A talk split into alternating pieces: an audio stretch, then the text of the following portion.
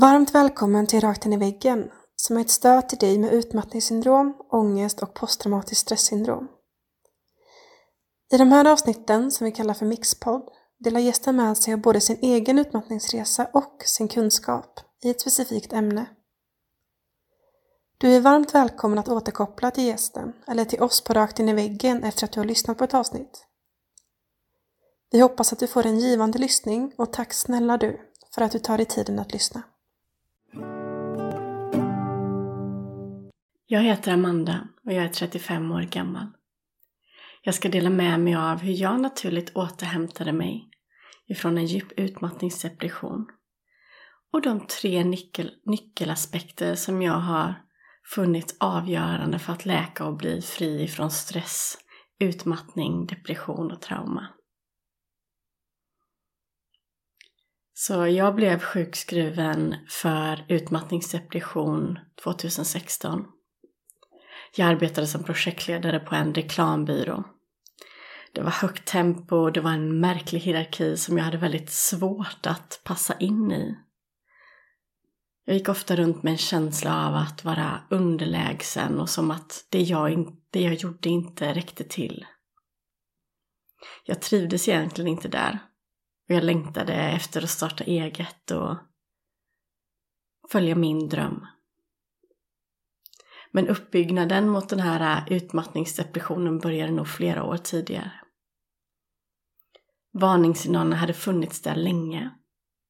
Men det var någonting som inte jag funderade så mycket på. Jag var ofta sjuk och det tog lång tid innan jag blev frisk. Jag hade flera kroppsliga symptom, som att jag hade börjat höra sämre och speciellt på ena örat. När jag hade varit hos läkaren och tagit prover så visade proverna på förhöjda levervärden men sen blev det bra igen och det var lite fram och tillbaka. Men de sista veckorna innan jag blev sjukskriven hade mina symptom börjat bli riktigt allvarliga. Jag hade haft en nästintill konstant huvudvärk i flera veckor. Jag kunde tappa balansen helt plötsligt. Jag kände ofta panik inuti mig själv, som att jag hade svårt att vara i min egna kropp. Jag upplevde klåda över kroppen, värk, smärta, spänningar. Jag hade plötsligt ut utvecklat migrän, vilket jag aldrig hade haft tidigare. Jag hade svårt att somna på kvällarna. Jag satt ofta uppe och arbetade sent. Hade inga bra sömnrutiner. Om jag väl lyckades somna på, så vaknade jag på nätterna. Och på månaderna blev det allt svårare och svårare att hitta mitt motivationen till att gå upp. Mitt minne hade börjat bli sämre. Jag hade glömt bort min bankkod som jag hade haft i flera år. Jag tappade bort saker. Jag minns en gång när jag sprang runt och letade efter en nyckel för att sedan hitta den i en ficka, fast jag hade letat där flera gånger. När jag var på väg någonstans så kunde jag glömma på vägen dit vad jag skulle göra. Det var sådana klassiska grejer också som att jag ställde saker i kylskåpet som inte skulle vara där. Jag tror att många som är utmattade och utmattade, utbrända kan relatera till de här sakerna. Under den här perioden så drack jag ganska mycket. Jag var ofta ute och festade med mina vänner. Jag hade svårt för att vara med mig själv. Jag försökte hela tiden fly undan mina tankar. Det var som att jag levde konstant i framtiden. Jag hade svårt att vara i nuet. Jag överkonsumerade kaffe, jag tränade mycket. Sådär mycket så att det nästan gick till överdrift. Nu i efterhand har jag förstått att jag distraherade mig från att känna och vara. Det som hade börjat oroa mig var huvudvärken. Jag började bli lite rädd att det var någonting fel på mig. Jag hade nog inte en tanke på att det handlade om utbrändhet. Men jag kände ju att jag var stressad och att jag inte trivdes och att jag inte mådde bra. Men jag bestämde mig för att boka en resa. För jag kände att jag behövde komma iväg och koppla av lite. få en paus och se om huvudvärken kanske kunde bli bättre. Och trots att jag sov när jag var iväg, jag sov mycket bättre än hemma, jag åt bra mat, jag återhämtade mig, jag liksom vilade, tränade, så försvann inte huvudvärken. Hmm. Och då insåg jag att jag behövde göra någonting. Så sida vid sida av mitt arbete som projektledare så hade jag länge arbetat med en affärsidé. Jag hade varit med och tävlat i någonting som kallas Venture Cup och jag arbetade väldigt, väldigt hårt för att realisera den här idén som jag bar inom mig. Men jag började inse att det inte längre var hållbart att arbeta mer än heltid och sedan flera timmar om dagen och helger arbeta på min egna satsning. Så jag bestämde mig, ta, bestämde mig för att ta ett möte med min chef och förklara för henne att jag inte klarade av att sköta mitt jobb längre. Att jag inte fick ihop det helt enkelt. Att jag ville gå ner i arbetstid, att jag ville jobba halvtid. Hon satt där på andra sidan bordet och bara tittade på mig. Och så sa hon att Amanda, det låter som att du behöver bli sjukskriven. Du kan ju inte gå ner i arbetstid när du inte mår bra. Nu vill jag att du bokar en tid hos läkaren. Ah, jag fick ta många prover. Jag gjorde en MR-röntgen som tacksamt nog inte visade någonting. När jag träffade läkaren, den här neurologen som, som gjorde den här utredning, utredningen så sa han att jag hade varit extremt bra på att hålla mig ovanför vattenytan, att bita ihop. Men att det var dags att ändra strategi. Han sjukskrev mig två veckor på halvtid. Jag trodde fortfarande inte riktigt att jag var sjuk. Det kändes lite som att jag fejkade allt det här för att ta tid och jobba med min affärsidé. Men under de här två veckorna så blev det snabbt sämre.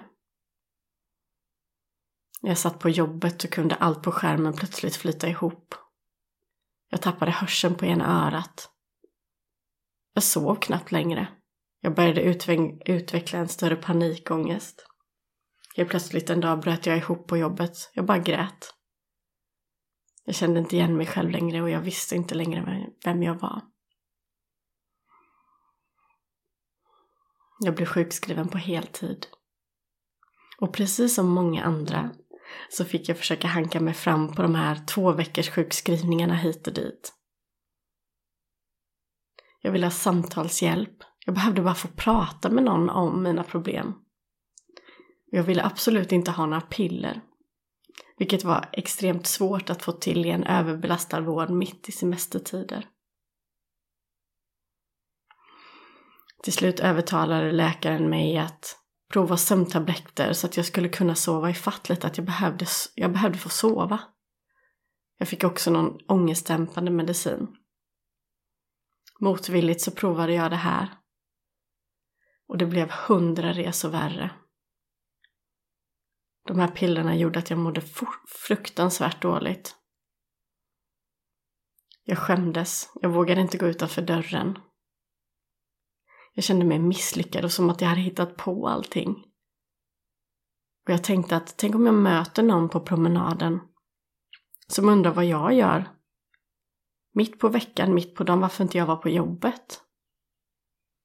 Jag kände mig falsk.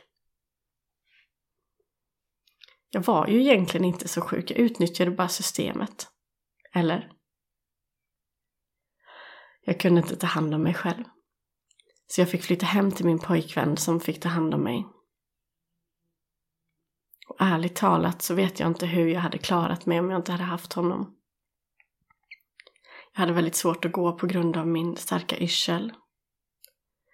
Men i början av min sjukskrivning så gick jag korta, korta promenader. Och efter ett tag så hittade jag yin-yogan som hjälpte mig väldigt mycket. Inom vården så blev jag slussad mellan olika läkare som inte förstod mig. Varje gång jag träffade en ny läkare fick jag börja om och berätta min historia. Och alltid samma sak. De försökte tvinga mig att äta antidepressiva fast jag inte ville. Det var till och med en läkare som sa att han inte kunde sjukskriva mig om jag inte åt antidepressiva. Så då sa jag ja. Hämtade ut medicinen fast jag tog den aldrig. Jag ville ju inte äta antidepressiva. Jag ville ju gå till botten med det som gjorde mig sjuk. Inte lägga locket på eller sätta som ett plåster på. Och för mig så betydde antidepressiva det. Jag bytte läkare säkert tio gånger innan jag till slut hittade en fantastisk människa som förstod mig och min önskan att kunna läka naturligt. Han hjälpte mig att ordna så att jag kunde gå på mindfulness, medicinsk yoga, akupunktur inom vården. Jag fortsatte med min yin-yoga. Jag fick gå i samtalsterapi i KBT. Och jag gjorde rehabträning för att börja hitta tillbaka till min, mitt balansinne och min mittpunkt i kroppen. I den här läkeprocessen så tillåter jag alla delar av mig vara en del. Kropp, sinne och själ. Jag investerade i mig själv och det jag kände mig dragen till. Jag slutade tänka så här att jag har inte råd med det och speciellt inte nu när jag är sjukskriven. Utan jag tog mig råd. Det fanns ju så mycket onödigt som jag hade lagt pengar på tidigare. Som jag nu kunde välja bort. Jag visade både mig själv och universum att jag trodde på mig själv och min återhämtning. När jag investerade i det jag behövde för att ta mig framåt läkande mat, rådgivning, behandlingar och längre fram de utbildningar som jag ville gå. Jag började ta mer och mer ansvar för mig själv och min egna återhämtning. Jag började också upptäcka och förstå att ingen annan skulle rädda mig. Även om jag önskade att det kunde vara så. Det var så smärtsamt att inse det här men det var så otroligt viktigt. Det här innebar också att jag inte heller ville lämna ifrån mig makten över min egna läkeprocess. Vare sig till läkare eller mediciner. Jag och bara jag visste vad som var bäst för mig. Jag och bara jag visste vad jag behövde för att läka. Och det var så stärkande att kunna känna det här. Den här resan förde mig inåt mig själv. Och jag fick möta allt det där som jag hade flytt ifrån i så många år. Och det var mycket mörker att möta och arbeta med. Efter jag varit sjukskriven ett par månader så hittade jag också en fantastisk kinesisk läkare som gav mig örter som kunde hjälpa mig med sömnen och depressionen. De hade ungefär samma effekt som antidepressiva utan det här negativa. Det tog liksom inte bort topparna. Att jag kunde fortfarande kunna känna mig glad men det tog bort de djupaste dalarna. Mörkret, depressionen. Jag gick sedan regelbundet på akupunktur hos henne under flera månader. Jag ändrade min kost så att jag kunde stärka upp mina stackars urlakade organ istället för att dränera dem. Jag blev starkare och starkare men kom till slut till en punkt när jag inte kunde undvika ett beslut längre gällande min arbetssituation. Det kändes helt otänkbart för mig att gå tillbaka dit och börja arbetsträna. Och bara tanken på min arbetsplats gav mig ångest. Samtidigt så var jag livrädd för att säga upp mig för jag var tvungen att försörja mig. Inom mig så hörde jag andras åsikter och idéer om vad man borde göra, samhällets normer. Och insåg att det var dags att frigöra sig ifrån de bojor som fjättrade mig ifrån och välja det som faktiskt var bra för mig. Så den dagen när jag väl sa upp mig så var det som en stor tyngd lyftes ifrån mina axlar. Och som att jag tog milskliv i min läkarprocess. Att stanna kvar i någonting och hålla fast vid någonting som inte var min väg gjorde mig så sjuk. Så när jag väl vågade ta det här steget, steget så började livet falla på plats. Jag upplevde att det var ett flöde som började komma tillbaka. Jag fick starta eget bidrag från Arbetsförmedlingen ungefär i samma veva fick jag en fråga ifrån en av mina gamla lärare som ägde en reklambyrå. Om jag kunde hoppa in och hjälpa till med lite projektledning. Jag som hade tänkt att jag aldrig skulle tillbaka till reklambranschen. Men jag kunde lägga upp arbetet som jag ville och jag valde att arbeta halvtid. Jag kunde liksom sitta hemifrån och jobba eller på kontoret. Och plötsligt känner jag mer än jag någonsin hade gjort trots att jag bara arbetade halvtid. Det var så otroligt läkande och uppstärkande för självförtroendet. Jag kunde få liksom inse att det inte alls var mig det var fel på. Utan den tidigare arbetsplatsen som bara var fel för mig. Jag började förstå vikten av att våga ta de här svåra besluten och gå framåt. Även om jag inte visste vad som väntade där framme. Att jag behövde säga nej tack och hej då till saker för att göra utrymme för nya möjligheter och nya människor att komma in i mitt liv. Att min ovilja att släppa taget och lita på mig själv och styras av att vad som förväntades av mig hade lett mig in på en väg som inte alls var menad för mig. När jag blev friskskriven så gav min läkare mig några ord som jag aldrig kommer att glömma och som jag har gjort till mitt livskall. Han sa att Amanda, jag har aldrig någonsin tidigare sett någon återhämta sig så snabbt ifrån en sån här djup utmattningsdepression som du har gjort. Utan mediciner och på egen hand. Det här är någonting helt nytt för mig. Jag är väldigt imponerad. Jag vill att du går ut i världen och berättar hur du har gjort så att du kan hjälpa andra.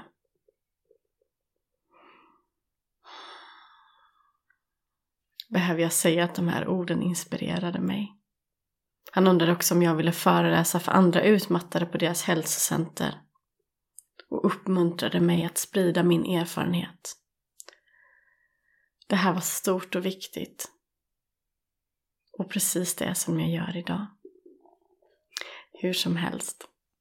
Efter några månader på den här reklambyrån som jag jobbade så bestämde jag mig för att ge mig ut och resa och jag utbildade mig till yogalärare. De kommande åren så gick jag fler och fler utbildningar inom mind-body-terapi, alltså helkroppsfokuserad terapi och djupt öka i nervsystemsreglering. Efter min utmattning har jag sedan träffat kärleken, jag har fått två underbara barn och jag har fortsatt att arbeta med mig själv och mitt välmående. Jag har fortsatt att vara sann emot mig själv och jag har slutat att gå emot min magkänsla. Idag känner jag mig oerhört trygg i mina gränser och jag vet oftast var mina gränser går någonstans. Och här hade jag mycket arbete att göra kan jag säga. Vilket jag föreställer mig att många utmattade kan känna igen sig i. Att kunna känna sina gränser. Att lära sig förstå sina behov och sin energihantering. Tidigare så kunde jag tro att människor kunde ta min energi. Men nu förstår jag att jag själv kan bestämma hur mycket eller lite energi jag väljer att ge bort eller lägger på saker. Att jag alltid har ett val. Valet är alltid mitt. Ansvaret ligger bara på mig själv och ingen annan. Jag tror att resan hem till sig själv är en ständig pågående resa som säkerligen varar hela livet. Det finns alltid nya lager att utforska och upptäcka hos sig själv. Och att välja den här vägen som jag har valt är extremt tufft till en början. Men vad jag har upplevt är att det blir lättare och lättare ju längre man kommer. Det tar mer energi i början att göra den här typen av förändringar. Men det tar ännu mer energi i det långa loppet att inte göra det. Alltså herregud så levande och levnadsglad jag kan känna mig idag. Jag älskar mitt arbete. Jag älskar mitt liv. Och framför allt, efter många år så älskar jag mig själv. Jag älskar mig själv. Jag tar hand om mig själv idag. Jag prioriterar mig själv och mina egna behov. Mitt välmående är det viktigaste. Utan det är liksom det andra meningslöst. Utan mitt välmående, utan att må bra själv, så kan inte jag hjälpa andra. Jag känner så otroligt djupt idag. Och jag njuter så djupt av min familj, av mina barn och min vardag. Jag njuter av att solen kysser min hud, av det mjuka gräset under mina fötter. Efter så många år av överlevnad så lever jag äntligen. Och framförallt kan jag idag vara ledsen, jag kan känna mig deppig och jag kan känna att hela världens sorg ligger på mina ax axlar. Men jag överlever det. Den motståndskraft som jag har utvecklat genom åren gör att jag kan gå ner i det där mörkret, i djupet. Jag kan sörja. Och jag vet att jag kommer överleva det. Jag vet att jag kan ta mig upp igen. Jag kan studsa tillbaka. Och när jag studsar tillbaka så gör jag det med nya insikter och med än mer förståelse av mig själv och världen. Det kan stundtals kännas så otroligt skrämmande. Men då vet jag också att jag har tappat kontakten med källan. Min utmattning är min livs största gåva. Det finns ingen tvekan om den saken. Idag arbetar jag som holistisk stress och traumaterapeut och jag hjälper människor att hitta tillbaka till sin egna kraft och visdom i deras läkeprocesser. Jag tror att du har alla svaren du behöver inom dig. Jag erbjuder både enskilda sessioner och återhämtningsprogram för stressade utmattade som har hjälpt över 100 personer. I mitt arbete så vägleder jag människor tillbaka till kontakten med sig själva. Det är egentligen inte konstigare än så. Det finns ingenting där utanför dig som du behöver för att läka. Men det finns några nyckelaspekter som jag har upplevt och upptäckt i den här resan. Några nyckelaspekter när vi läker ifrån stress, utmattning och trauma som jag skulle vilja skicka med dig idag. Dels så handlar det om att komma tillbaka till kontakten med våran kropp igen. Och varför är det då så viktigt att återkoppla till kroppen när vi ska läka ifrån stress, utbrändhet eller Kanske när vi överhuvudtaget ska läka ifrån en skada, ifrån smärta, ifrån traumatiska upplevelser, kirurgiska ingrepp eller liknande. Jo, när vi har en upplevelse av stark smärta eller skada i vår kropp flyr vi ofta kroppen och upplevelsen. Det kallas att dissociera. Vi stänger av våra upplevelser för att inte känna smärtan av dem. Vårt nervsystem är ömtåligt och vi gör allt för att skydda oss själva och vårt system. Och om vi har upplevt stark stress eller djupa trauman så är det viktigt att gå sakta fram när vi börjar komma i kontakt med oss själva igen. Så att vi inte blir överväldigande utan att vi kan stanna i kontakt. Och det här är en process som tar tid. Nervsystemsreglering tar tid. Även om den här typen av arbete kan ge väldigt direkta resultat. Ett annat bra exempel på det här med att vi flyr vår kropp och våra fysiska upplevelser är när vi upplever ångest, kronisk smärta och spänningar. Så en av de vanligaste anledningarna till att vi får kroniska spänningar, smärta eller ångest som inte försvinner är för att vi är så avstängda ifrån våra fysiska sensationer och vår fysiska kropp och våra känslor. Vi går runt dag efter dag och kanske inte känner när våra axlar varit spända en hel dag. Eller kanske ens de senaste åren. Vi kanske inte är medvetna om att vi är frånkopplade från vår underkropp. Att vår ena arm kanske är lite uppdragen, vilket skapar spänning i vår nackmuskulatur och vår rygg. Vi kanske inte är medvetna om att vi inte använder våra fötter på rätt sätt. Att vi bara går på tårna eller utsidan av foten, vilket ger oss problem med knän och så vidare. Så att återkoppla till kroppen genom sensation och rörelse är en nyckelaspekt för att läka ifrån tidigare trauma och stress. Att återkoppla till våra sensationer, både obehagliga och behagliga, är kritiskt för att verkligen kunna läka på djupet och komma tillbaka till en hälsosam kropp och ett hälsosamt nervsystem. En annan viktig del är att arbeta med våra gränser.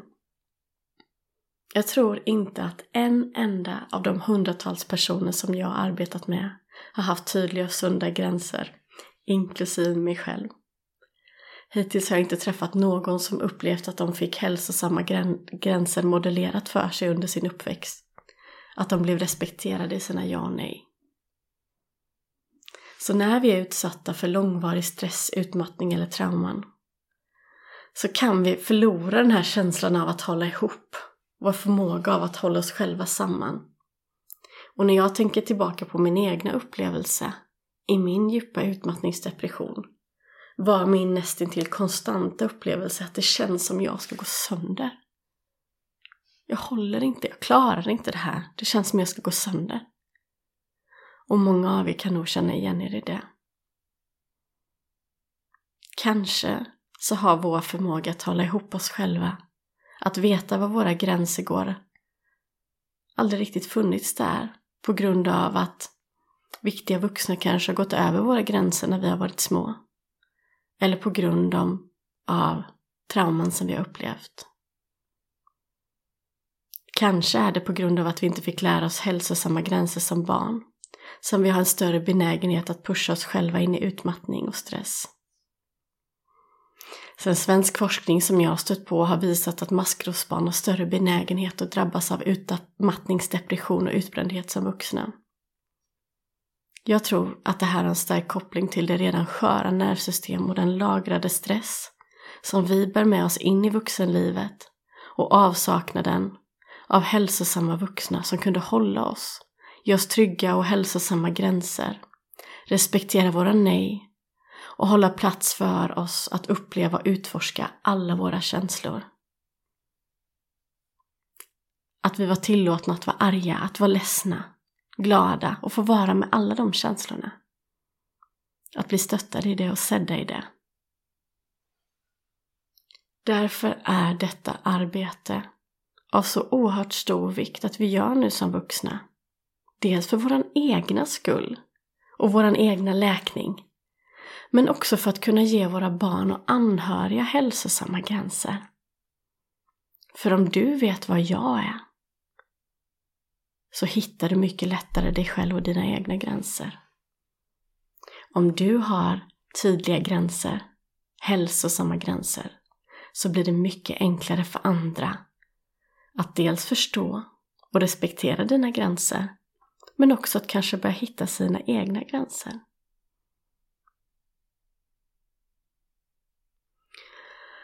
Så det här begreppet med gränser, inneslutning eller containment som det heter i engelskan, är grundläggande i nervsystemsarbete och i återhämtningen.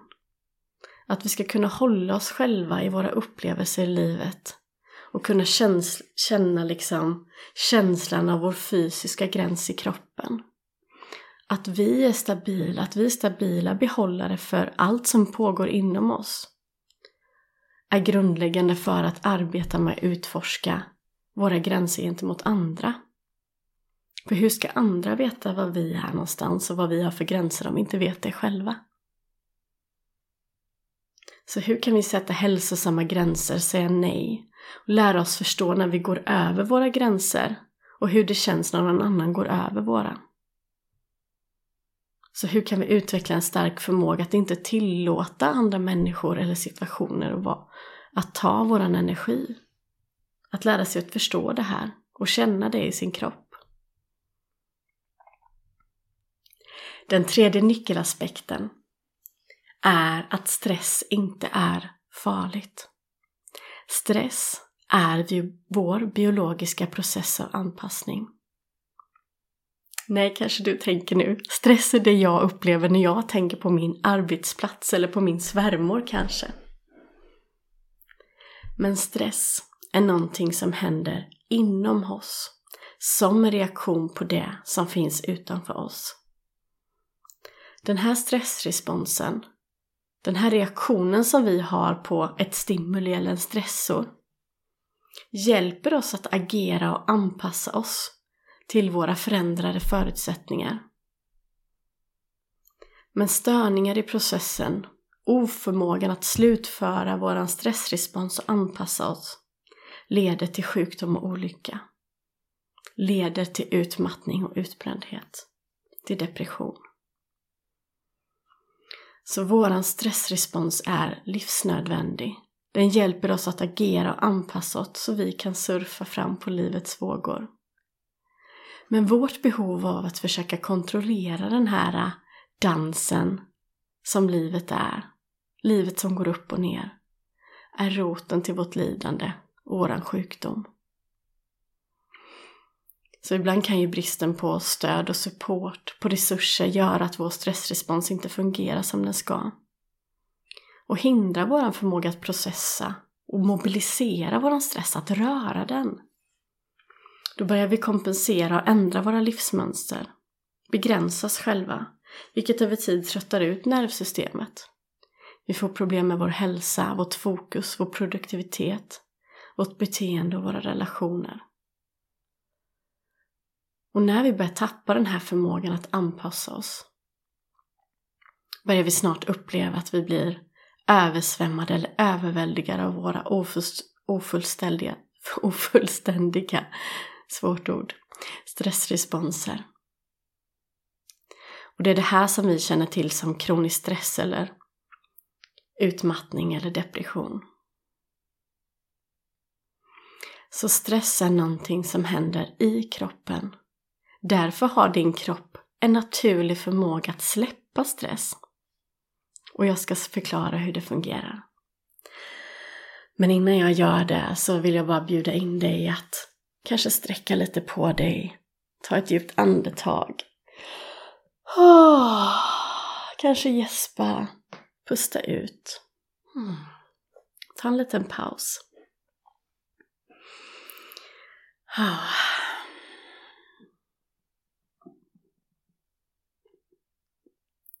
Så när du möter något som stressar dig, en stressor, skapar din kropp en naturlig respons för att hjälpa dig att hantera den här situationen eller personen eller vad det nu än är. Så du börjar bygga upp energi i kroppen för att du sedan ska kunna agera på det. Så det är lite som när du står på startbanan och ska springa ett 60 meters lopp. Kommer du ihåg när man gjorde det i skolan?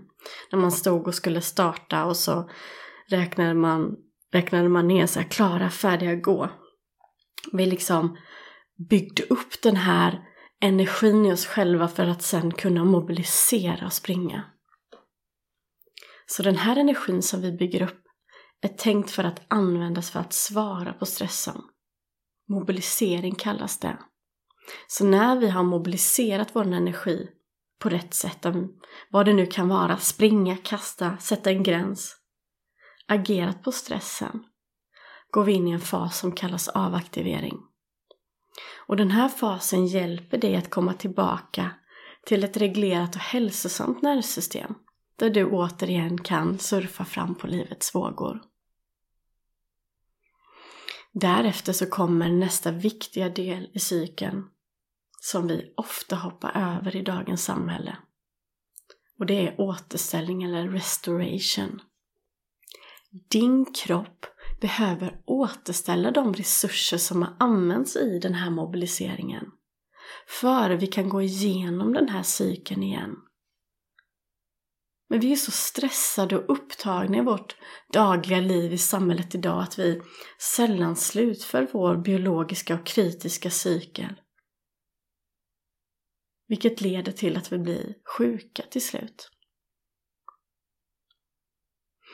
Så det är inte stressresponsen i sig som skapar sjukdom. Utan det är vårt misslyckande att inte fullfölja den och anpassa oss. Det är inte stressresponsen i sig som är problemet. Det är våran blockering av den. Det är våran oförmåga att slutföra stressresponscykeln. Det är vårt misslyckande att bli tillåtna, att ha supporten, att ha resurserna. Vad vi än behöver för att slutföra våran anpassningsprocess som till slut leder till översvämning i systemet.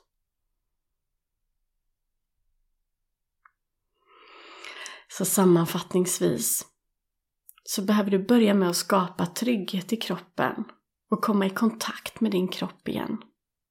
Att hjälpa ditt nervsystem att komma tillbaka till en hälsosam reglering så att du kan få en ökad kapacitet. Så att du sedan kan arbeta med de känslor, den stress, den trauman, alltså den stagnerade överlevnadsenergin som har fastnat i systemet och som behöver röra sig ut. Eller stressresponser, gamla stressresponser som behöver komma till avslut.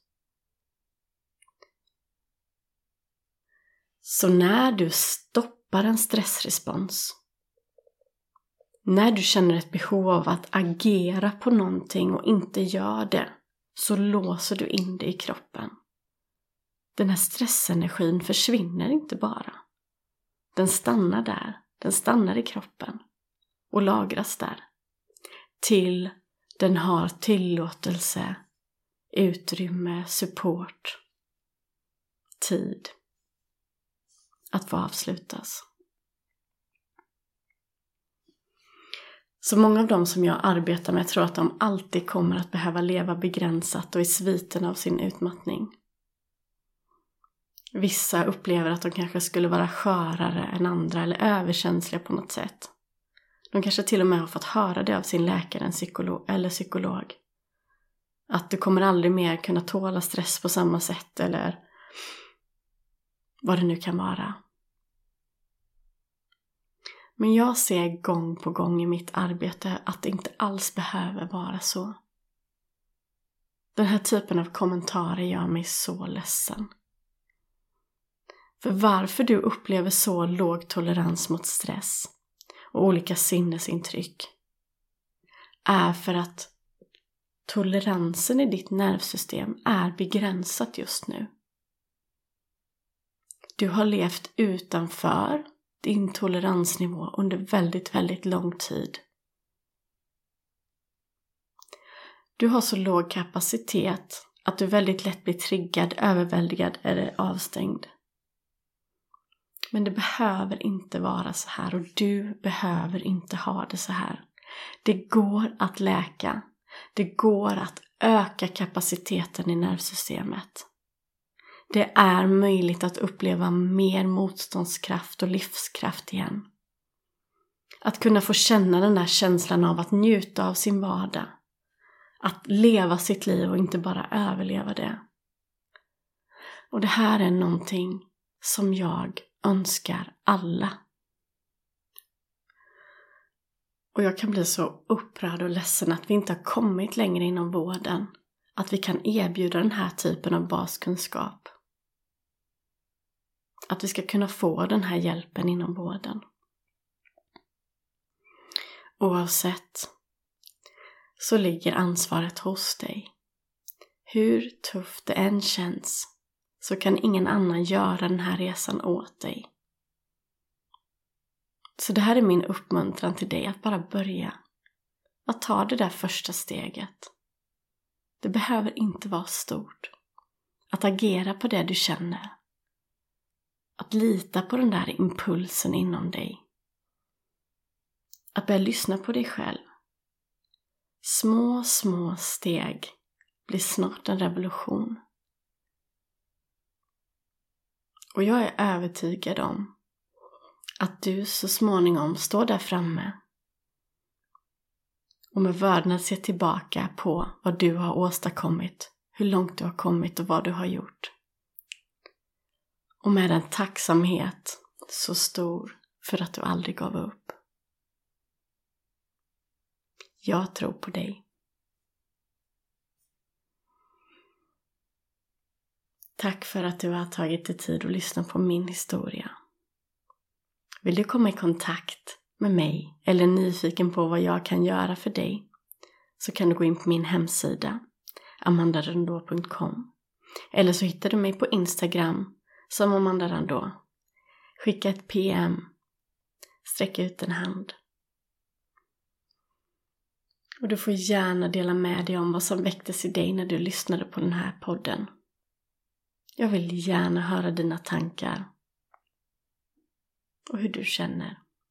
Du är varmt välkommen att skicka ett mail till mig på amanda.amandarandå.com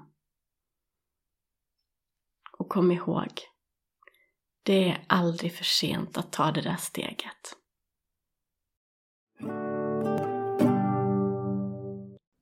Vill du också medverka i Rakt in i väggens podcast? Besök vår hemsida för mer information på www.raktinivaggen.com medverkan.